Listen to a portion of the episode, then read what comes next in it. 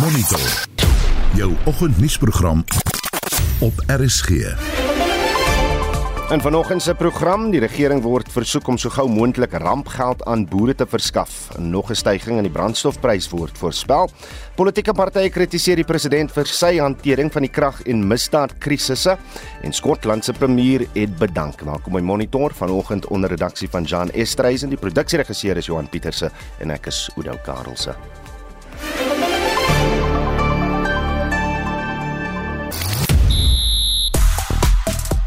Banyana Banyana is in Turkye vir die Turkse Vrouebeker. Arsenal verloor die nommer 1 posisie in die Engelse Premier Liga. Twee Europese reëse maak gereed vir 'n taai stryd in die Europese Liga. En Nieu-Seeland vra Engeland om eers te kolf in hulle dag-nagtoets. Ek is Shaun Schuster vir RSG Sport. En dis ook sport waaroor daar op Twitter gegons word vir al die sokker Premier Liga en Man City se oorwinning van Arsenal met 'n eindtelling van 3-1. Dit smerke daar sluit in ARS MCI en Arsenal. Op die vermaaklikheidsfront trek 'n realiteitsreeks vanuit Durban heel wat aandag en kort op die hakke van die drama in Durban. Die nood of eerder die doodsnikke van Valentynsdag sê so gewild soos gister nie, maar is nog in die top 10. Nou voedselinflasie het in Januarie sy hoogste vlak in 14 jaar bereik. Volgens statistiek is Suid-Afrika se brood en graankosse nou 21,8% duurder teenoor 'n jaar gelede terwyl die prys van vis met 13% gestyg het en die prys van eie het op 'n jaargrondslag met 48,7% gestyg. Nou ek probeer my elke dag so 'n bietjie sap maak by die huis. Ek koop gewoonlik elke tweede week my groente en vrugte en net om een voorbeeld te gebruik, ek het verlede jaar R24 of R36 vir 'n sakkie lemoene betaal. R24 vir die kleiner minder sappige lemoene en R36 vir die graad A lemoene. Die einste sappige lemoene. Se prys per sakkie staan nou skielik op R86. Toe los ek maar ek koop nou meer wortels om my sap te maak. Ek sal volgende week kyk waar staan die prys van daai lemoene en oor die algemeen kos my twee weeklikse boksie vrugte en groente so om en my R400. Deesdae kos hy boksie R600 of meer. Nou wil ons weet, hoeveel meer betaal jy deesdae vir 'n voedsame kosmandjie? Is daar kosprodukte wat jy minder of glad nie meer koop nie? Uh het jy dalk 'n alternatiewe plan beraam soos om jou eie groente te kweek of as jy kyk na wat die mense op die Facebookblad te sê het om jou eie brood te maak? Laat weet, stuur 'n SMS na 4588919 R50 per boodskap. Jy kan saampraat op die Facebookblad of jy kan vir ons 'n stemnota stuur op WhatsApp na 076 536 6961. Presies 13 minute oor 6. Die ramptoestand in reaksie op die vloedskade in verskeie provinsies sal boere wat verliese gely het in staat stel om vir hulp by die regering aansoek te doen en staatsgeld bewillig om paaie en brûe te herstel. Maar dit moet so gou as moontlik gedoen word. Maan ons boere. Ons praat nou met die hoofbestuurder van TLU SA, dis nou Benny van Sail. Benny, goeiemôre. Goeiemôre Oudo en al die luisteraars. Sê my, hoe voel julle oor die verklaring van die ramptoestand en is daar nou al beweging van die regering, regering se kant af Benny oor wat die ramptoestand sal beteken ten opsigte van noodhulp? Ja, ons het nou die verklaring gekry dat in 7 van ons 9 provinsies dit wel dan 'n ramptoestand verklaar is ten opsigte van hierdie bepaalde vloedskade dilemma. Nou ons moet dadelik sê dat ek dink hierdie ding gaan oor kos op die tafel op die einde van die dag as ons uit 'n landbehoek na hierdie hele realiteit kyk. Hm. Natuurlik is daar baie humanitêre dilemma's ook buite die landbouomgewing. Ons kan nou nie daaroor praat nie. Maar vir landbou is dit 'n geval dat ons moet seker maak dat ons alles wat ons vermoë moet doen om ons boere in produksie te hou. Ons praat heeltyd van die kosmandjie wat duurder word, meer onverkrygbaar word en as dit ons nog by die beerkrag en al die dilemma wat die koue ketTINGS breek ons produk se kwaliteit afkraak. So daar's 'n groot klomp aspekte wat ek dink op die einde van die dag op die verbruiker se tafel land of kom ons sê nie land nie. En dit skep vir ons 'n bepaalde probleem. Nou in hierdie geval moet ons dadelik sê elke plaas is 'n besigheidsentiteit in sy eie reg. Hmm. Ons kan nie weet sê een skoen pas almal nie. Party plase het in hierdie baie goeie reëntyd eintlik gesê dankie, dit was ideaal en ons het groot waardering daarvoor. 'n Ander plaas het groot skade. Ek dink ons moet 'n paar goed vir mekaar net vinnig hieroor sê. Dit is dat ek dink uh, in baie plase in die vloedlyne van die groot riviere wat dan nou hierdie groot skade veroorsaak het, sou pompskade sê ehm um, wat kon wegspoel en oorspoel is ook vir al die elektriese motors as daai modderwater deur hom is moet daai motor oor opgedoen word. maar dan ook die infrastruktuurskade. Lande is verspoel. Ehm um, en jy sit natuurlik ook met paaie, brûe wat vernietig is. En dit beteken dat so 'n boer ook weer eens nie sy insetmiddel op die plaas kan kry nie, maar ook nog erger, hy kan nie sy produkte by die markte kry nie, wat weer onmiddellike invloed het op beskikbaarheid van kos en pryse van kos. So die ding het altyd 'n bose kringloop en die effek daarvan op die einde van die dag het 'n effek op die verbruiker teenoor beskikbaarheid en prys natuurlik dan vir voedsel wat dan 'n bepaalde probleem skep. Ons bly dooi is omdat dit nou 'n ramptoestand verklaar is, beteken dit dat die staat addisionele middele tafel toe kan en moet bring en ons hoop dit gaan vinnig gebeur. Baie beperk het dit in sekere gevalle nou al begin met infrastruktuur. Hmm. Ons hoop ons gaan so gou as moontlik die prosesse sodanig herstel dat ons produksieproses nie benadeel word nie want die prys wat ons verbruiker betaal as gevolg van beerdkrag is alreeds bitter groot. Nou kom hierdie ene ook nog by en dit maak dit eintlik nie gemaklik nie. Benny, hoe werk dit gewoonlik met 'n ramptoestand? Gaan elkeen van hierdie sewe provinsies of streke nou sê dit is wat ons uh, beskikbaar het as noodhulp uh, en en dan doen die boere aansoek. Hoe hoe werk dit prakties? Weet jy, um, hoe dit spesifiek hierdie jaar werk in elke provinsie nog nie onder my aandag gekom nie. Dit maak my bekommerd, jy weet. Ons sê altyd dat in so 'n geval moet jy 'n gesamentlike operasionele sentrum skep. Hmm. Dan beteken dit dat jy sit al die rolspelers daar om die tafel. Rampbestuur, die weermag kom tafel toe, die polisie, ehm um, en dan ook die georganiseerde landboustrukture, jou humanitêre organisasies, spoorweë, ons kan op die ry afgaan. En dan sodra daai hele distrik moet dan 'n evaluasie evaluering gaan doen van wat is die ramp en die omvang van hom. Jy prioritiseer en jy begin van 'n kant af hierdie goed oplos. Dit beteken jy kan vir die brug eh, vir die weermag sê gaan bou vir my brug en jy kan sê hierdie ou bring vir my dit vervoer, bring vir my dit.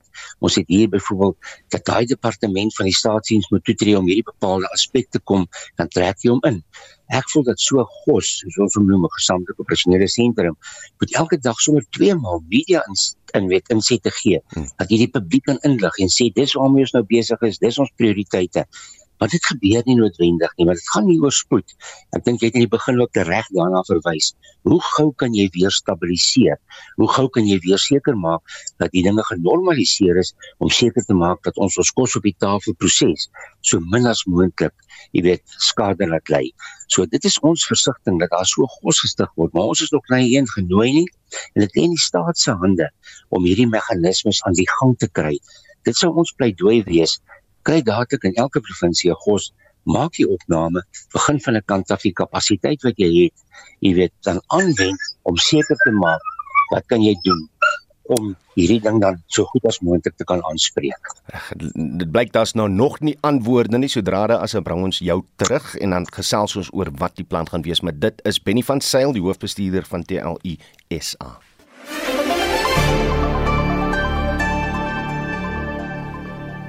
Brandstofverbruikers gaan na verwagting van die begin van Maart af weer al hande dieper in hul sak moet steek om verder te kan ry. Die oliepryse het verhoog en die randwisselkoers het verswak en dit gaan na verwagting groot druk plaas op die sentrale energiefonds om die brandstofprys aan te pas. Ons praat nou hieroor met ekonomiese konsultant van Sequoia Capital Management, Dr. Chris Harmse. Chris, goeiemôre.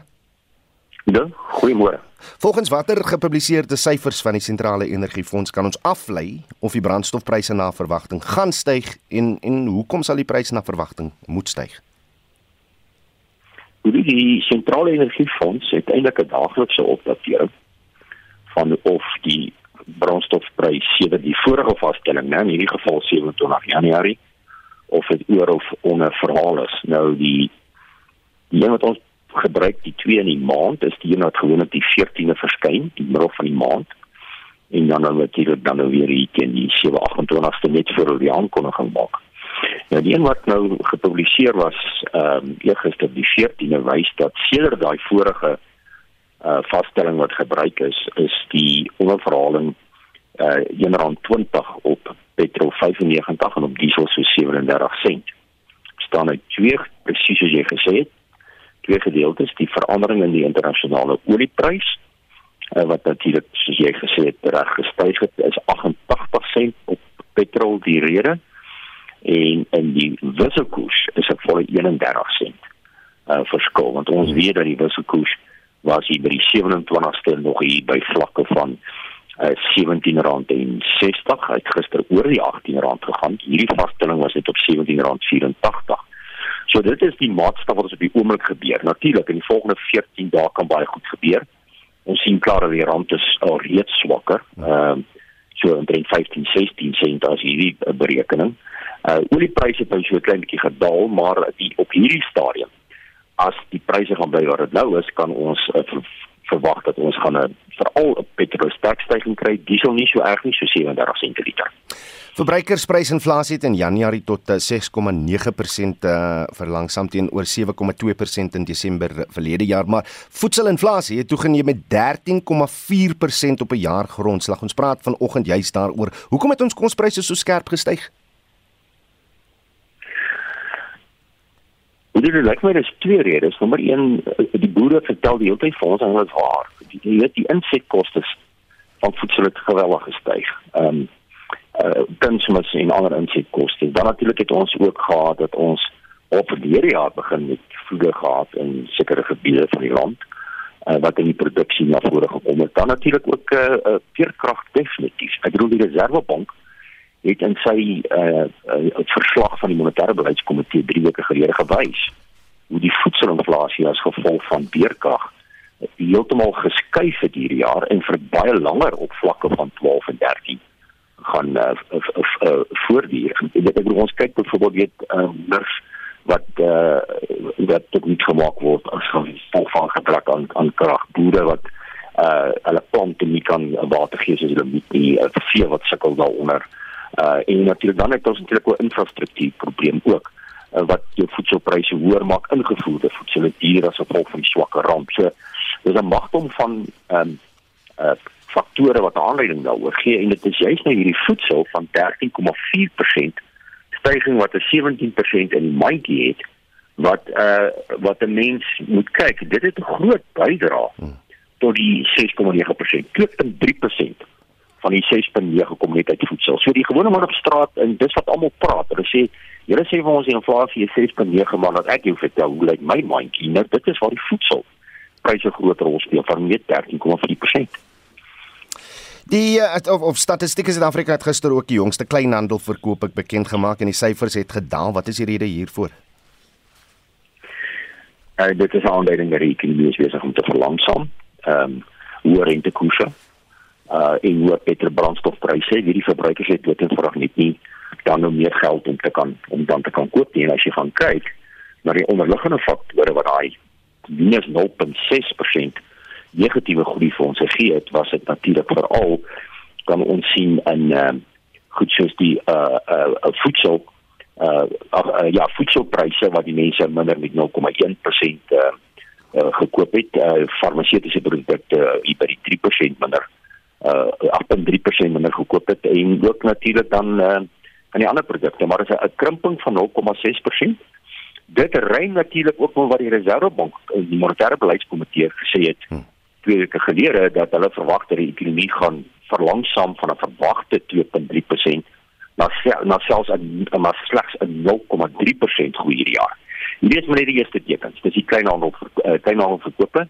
Ek is bevrees ons gaan dit nog sien in groothandelverkope en produksiesyfers uh, soos die ekonomie na vore gaan. Maar ek dink die hoë rentekoerse uh die uh um beerkrag en ook natuurlik uh die um, inflasie wat so hoog is gee aanleiding dat die verbruiker is net is net is net voorspoel. Hy kan net nie meer verder spandeer nie en kry ons hierdie negatiewe kleinhandelverkope syfers.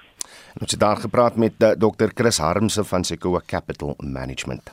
Bende geweld en skietvoorvalle duur voort in Hannover Park in Kaapstad ondanks die verskerpte teenwoordigheid van wetstoepassers. Die afgelope week is uh, nog inwoners in die gebied doodgeskiet. Ons praat nou met Kashifa Mohammed, die woordvoerder van die Hannover Park Gemeenskapspolisieeringsforum oor die kwessie. Kashifa, goeiemôre.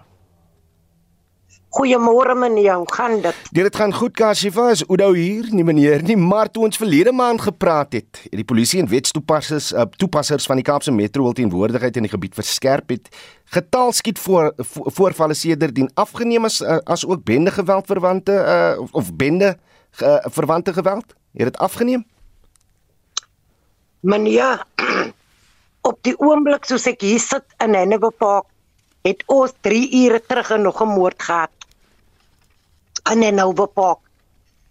Ons mense lewe vreesbevange in Hanover Park. Dit lyk of die bende niks respek het vir die gemeenskap van Hanover Park nie. Ek sien dat ShotSpotter tegnologie uh, wat onlangs ingestel is, hulle het dit nou weer daar in Hanover Park ingestel, het, maak dit enigsins 'n verskil? As die polisie weet waar die, die skiet voorvalle gebeur. Meneer, dit maak niks verskil nie. As dit 'n verskil gemaak het, sal die die bende geweld gedrop het, maar die bende geweld is so hoog in Hanover Park. So die shotspotte, die CC kameras as jy as jy benefit vir Hanover Park se gemeenskap. Want elke dag is daar skietery, elke 2, 3 ure van die dag word iemand vermoor, spesiaal vrouens, kinders word raak geskiet in die bende geweld en dit is ontstellend in die gemeenskap aan Henoverpark dat bende so oorvat. Ek sien na sommige inwoners wat nie vredesamesprekings met die bendelede wil hê nie. Hulle glo dit gaan net lei tot verhoogde geweld in die gebied. Wat is jou mening oor die saak? Meneer, die die gevaarlike patte van die bende geweld op die oomblik is die internal fight. Hmm. Is in dieselfde bende kring wat die die bekleiere is. Maar wat se rival bende kon die gemeenskap baie meer dinge gedoen het. Wat hier is 'n ding wat 'n neef 'n neef doodskiet, 'n broer 'n broer doodskiet en dit is wat die gemeenskap baie ontstel en vreesbevange maak. Baie van die leaders kieskante in Hanover Park. Hulle moenie kante kies nie. Hulle moet mekaar se hande vat en opstaan teen die bende en hulle strate en hulle plek terugvat in Hanover Park. En dit was Kashi van Mohammed, die woordvoerder van die Hanover Park Gemeenskapspolisieeringsforum. Ek dink ons het iets bietjie ligter nodig net om die frons weg te neem vanoggend en uh 14 kunstenaars is benoem om vanjaar in die Rock and Roll Heldesaal opgeneem te word. Missy Elliott, die White Stripes, Sheryl Crow en George Michael is van die be benoemdes. 'n Kunstenaar kan eers 25 jaar na uh, sy of haar eerste kommersiële musiekopname vrygestel is hiervoor in aanmerking kom. Slegs 5 musikante sal ingelei word na 'n stemproses wat in April eindig. Die sangeres Cindy Lauper is ook benoem. Sy is wel bekend vir haar treffers of treffer liewer Girls Just Want to Have Fun. Jy luister na Monitor. Elke weekoggend tussen 6 en 7. 36 en in die nuus, nege mense is beseer toe die eenheid vir openbare orde 'n gespanne situasie tussen inwoners van Alexandria in die Oos-Kaap en die plaaslike polisie moes ontlont. En die uitvoerende komitee van die Skotse Nasionale Party vergader vandag om die proses te begin om 'n opvolger vir die premier Nicola Sturgeon te vind. Bly by ons.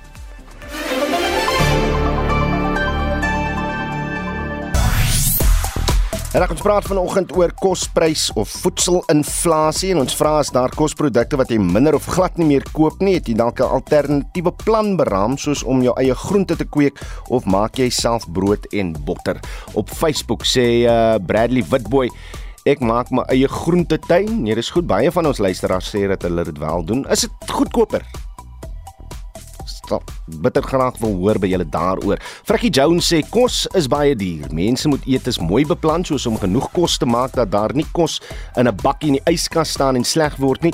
Ek soos hy sê double up my eetes deesdae en vries een helfte vir 'n ete op 'n ander dag om elektrisiteit en tyd te spaar.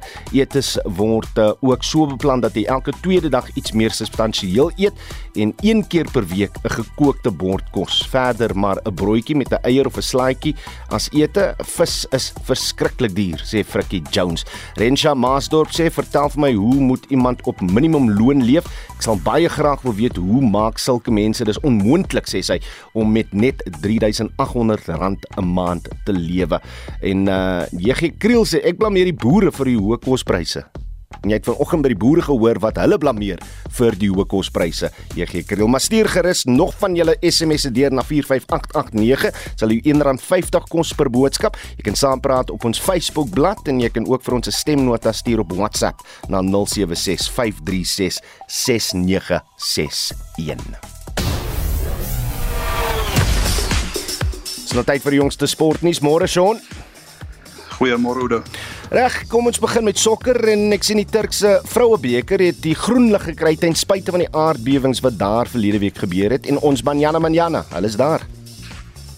Ja, so 3 dae na die Turkse sportminister alle sportbeeenkomste opgeskort het, het FIFA die groen lig gegee vir die toernooi om voort te gaan. Nou Turkye het intussen onttrek, maar uh, Banyana Banyana speel eerskomende Saterdag in hulle uh, openingswedstryd teen Oezbekistan en dan volgende Dinsdag teen Slovenië. Reg ons bly by sokker want daar's nou 'n nuwe voorloper in die Engelse Premier Liga. Ons gisterand Kampioene Liga uh, sokker en uh, twee reëse pak mekaar vanaand ook in Europa aan. Ja, Arsenal moes die knie buig voor Manchester City en word met 3-1 afgeransel. Die twee spanne is nou gelyk op 51 punte, maar 'n beter doelverskil plaas Manchester City bo aan die punteleer en dis vir die eerste keer sedert Augustus verlede jaar. In die eerste been van die Kampioenligga se laaste 16 ronde het Borussia Dortmund 1-0 teen Chelsea geseëvier en Club Brugge het 2-0 teen Benfica verloor. En ja, die Europese liga trek nogal baie aandag met die titaniese stryd wat vanaand voorlê. Barcelona en Manchester United takel mekaar kwart voor 8 in die eerste been van die laaste 32 ronde. Daar was ook gister oorwinnings vir Indië en Pakistan by die vroue T20 Wêreldbeker, maar vandag, son, vandag moet ons fyn dophou want daar's 'n groot wedstryd uh, wat van belang is vir ons Proteas. Ja, in die Windies uh, met 6 paaltjies en Pakistan het Ierland met 70 lopies getroof.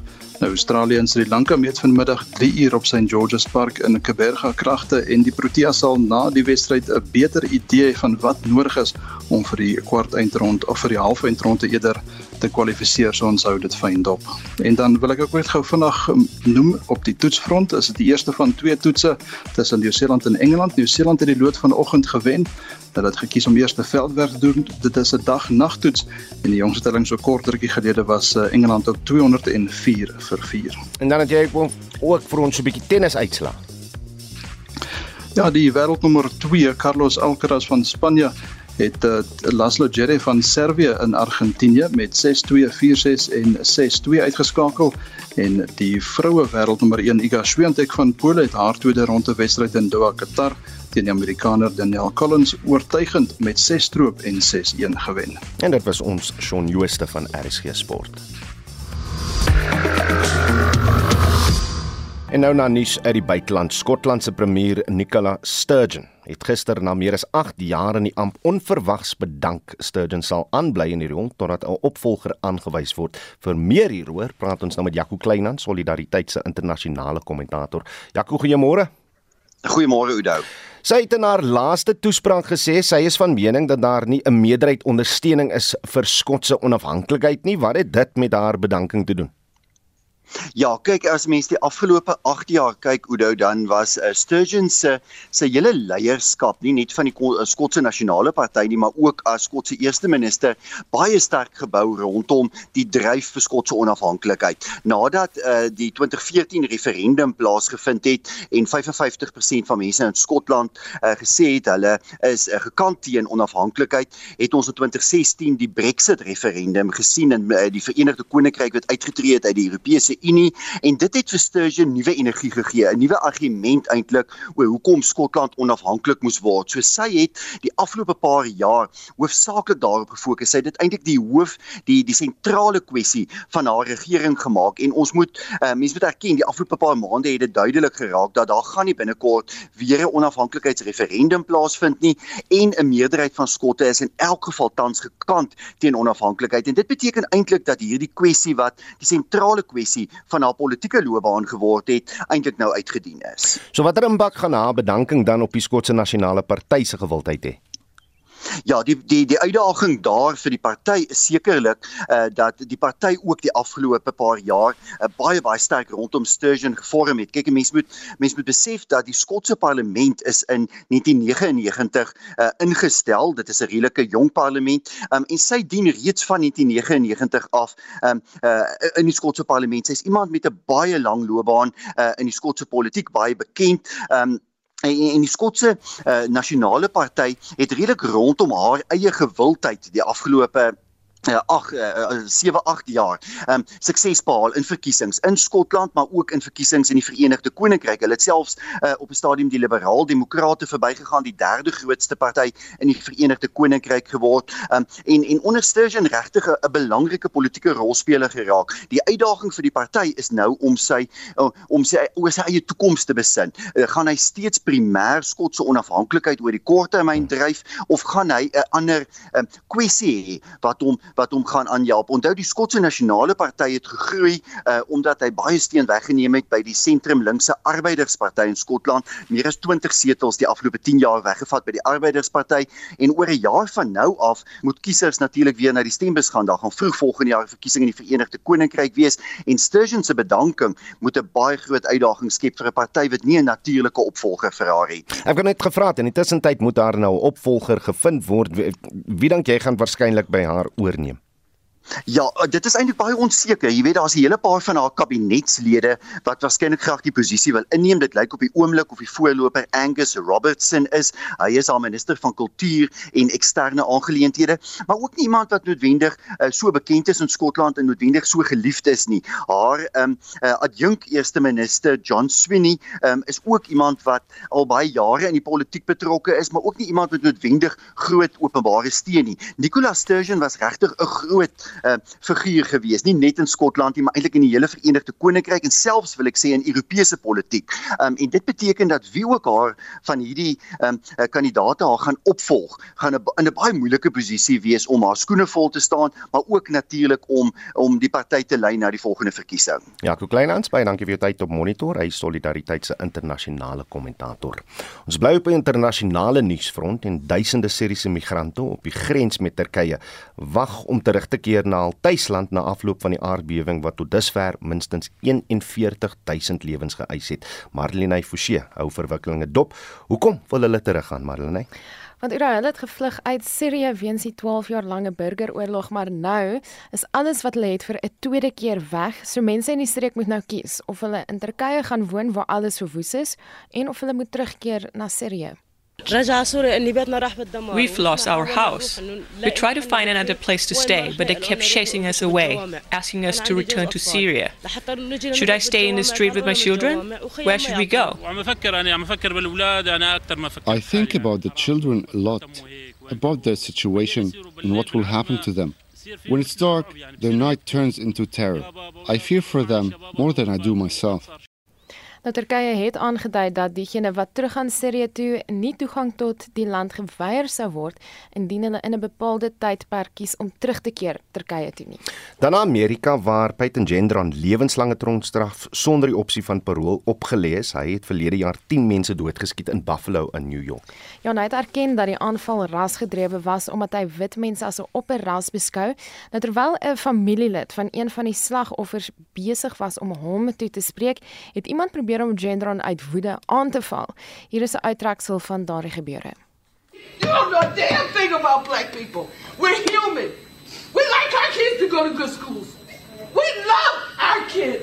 We never go in no neighborhoods and take people out. Don't do it. While what happened today puts a legal closure this tragic incident on May 14th of 2022, it certainly does not put any closure on what we need to do as a society and as a community going forward. En die laaste woord daar aan die Buffalo distriksprokureur John Flynn. En dit was Marlene Forsie met 'n blitsoorsig van internasionale nuus gebeure. Nou president Cyril Ramaphosa sal vandag sy repliek lewer op die debat deur parlementslede oor sy staatsrede. Ramaphosa het tydens die 2 dae lange debat skerp onder kritiek deurgeloop oor die kragkrisis, hoë misdaadvlakke en die swak ekonomie. Vir sy mening oor die gebeure praat ons nou met 'n professor in praktyk aan die Universiteit van Johannesburg, Theo Venter. Theo, goeiemôre goeiemôre. Goeiemôre. Die afgelope 2 dae het ons nou gesien 'n kabinetslid te help uit jou om in die parkeerterrein 'n saakie te gaan besleg. Die einste minister het ook die leier van die DEA gevra hoe hy enigsins enigiets kan sê oor geslagsgeweld aangesien hy eh, 'n man is wat sy kollega se vrou soos hy dit stel gesteel het. Hoe is dit moontlik dat ons in die krisistyd die te doen kan hê met laerskool kindergedrag pleks van volwassenes wat die erns van ons probleme sien? Ja, ek uh, ek dink as Suid-Afrikaners 'n bietjie sinies is oor die debatte in die parlement, dan uh, neem ek hulle nie kwaadlik nie. Ons moet onthou nadat die president sy staatsrede gelewer het, dan volg daar 2 dae van debatte. En hier in hierdie debatte is daar eintlik geen reëls oor waaroor daar gepraat moet word nie. Gewoonlik is daar 'n debat in die in die in die parlement is dan is dit gefokus oor 'n onderwerp, 'n stuk wetgewing, 'n soort besluit wat geneem moet word, maar hier kan parlementariërs in hierdie 2 dae oor enige ding praat en en ehm um, jy heeltemal reg. Party van die gesprekke was ehm um, regtig op 'n op 'n vlak wat 'n mens dit nie wou gehad het nie. Die president deur moet daar sit en luister en ons het hom nou dopgehou. Hy sit daar met 'n gesig wat lyk soos 'n 'n poker gesig want hy kan nie oor enige iets eintlik reageer nie en terwyl hy sit en net skuins agter hom baie kamera skote sluit ook uh um, dokter Gerrit Korenhof in wat agter hom sit. Hulle is nou besig om sy repliek eintlik op te stel hmm. en uh, hulle weer besluit presies waaroor hulle wil praat. Met ander woorde, die vrae wat gevra word, die stellings wat gemaak word en die antwoord wat die president gee, het eintlik met mekaar niks uit te waai nie. Maar maar dis deel van die probleem. Want die hele land wil hoor hoe daar deurgevoer gaan word met die woorde wat die president gebruik het veral oor die kragkrisis. Nou het ons parlementslede kans om hom spesifiek uit te vra oor wat hy te sê gehad het en dan moet hy mos nou repliek lewer vandag. Maar maar dis nie die proses wat voor ons oë uitspeel nie.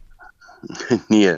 Nee, um, ek dink van die belangrike vrae wat gevra is in party van die toesprake wat daar gemaak is, sal hy antwoord. Hy sal ook antwoord uh op party van die vrae wat ANC-lede direk aan hom vra uh om hom 'n geleentheid te gee om sekere vrae te antwoord want jy moet nou onthou elke caucus besluit vooraf wie gaan praat, waaroor gaan hy praat en wat is die vrae wat hulle moet stel. Hmm. En so het die ANC caucus ook 'n uh, eie strategie oor wie praat, wie antwoord en wie gee watter boodskappe weer. En um, en dan uiteindelik kom die belangrike deel van die president vanmiddag ja na 2 ja. kom dit aan die aan die orde oor hoe gaan hy antwoord en sy antwoorde tot 'n groot mate gaan weer eens 'n teleurstelling wees want hy gaan sê ten opsigte van die minister van elektrisiteit hmm. kan ek niks sê nie want ek het nog nie 'n kabinetskomming gemaak nie en hy gaan dan ook sekere van die besonderhede wat ehm um, ehm um, parlementariërs by hom gehad het oor oorstoot na die begroting toe en dan die toesprake van ehm um, ministers na die begroting. Wat ook interessant was, minister Ronald Lamola het die ANC se kaderontplooiingsbeleid verdedig tydens die debat. Hy sê die party sal voortgaan om kaders te ontplooi om uh, staatsinstellings reg te ruk. Ek wonder wat jou mening is.